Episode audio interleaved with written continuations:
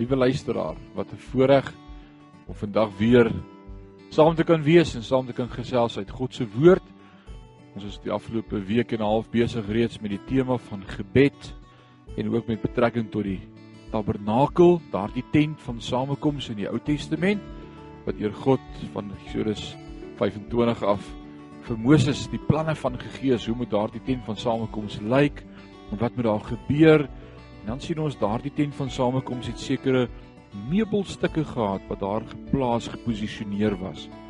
En ons sê as ons bid in ons gebedslewe, dan kan hierdie meubelstukke een vir een ons help om gefokus en gestruktureerd te bid.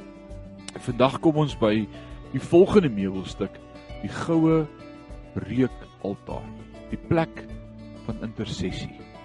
Matteus 5 vers 44 sê en bid vir die wat julle beledig.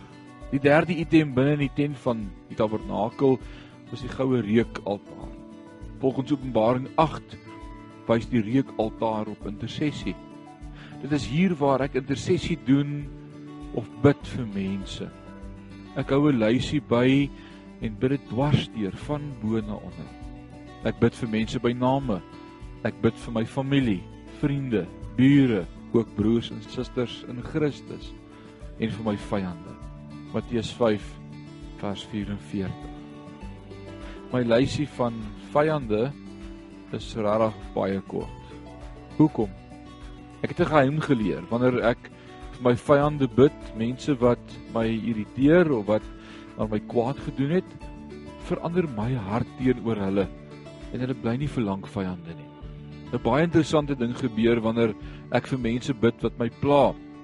In die eerste plek antwoord God my gebede en hulle begin dalk effens verander. Belangriker nog, God verander my. My hart versag teenoor hulle.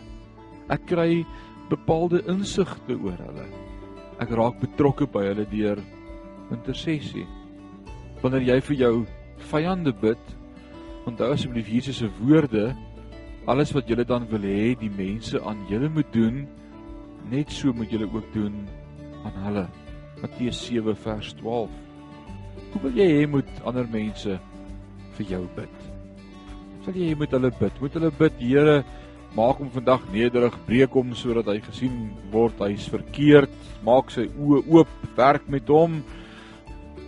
Ek sal wil hê as mense vir my bid dat hulle graag sal bid, Here, Wees vir Rinus genadig. Wees vir hom goed.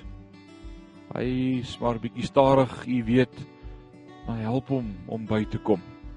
Wees genadig en barmhartig met hom. As jy wil hê dat mense vir jou so bid, dan beteken dit dat jy vir ander mense so moet bid.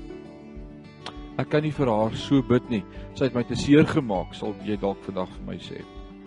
Ek verstaan dit, maar dink hieraan alhoewel jy nie jou gevoelens teen haar kan verander nie, kan jy verander hoe jy oor haar dink. God kan jou hart verander, maar hy sal nie jou gedagtes verander nie. As jy egter jou gedagtes verander, sal God jou hart verander. Hoe verander jy jou gedagtes? Jy bid, Here, U het vir my geleer om vir my vyande te bid en hulle te vergewe en lief te hê. Ek kies om dit nou te doen. Ek seën daardie persoon.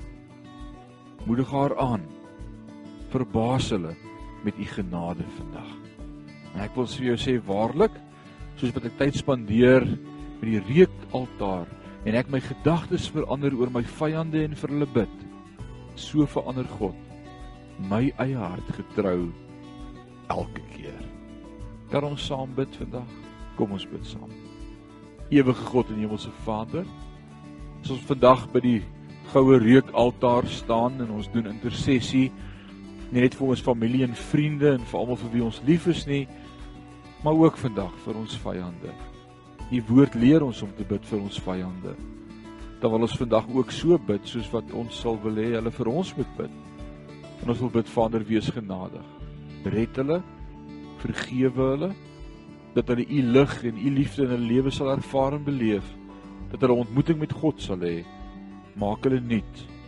Ons eer u daarvoor. In Jesus naam. Amen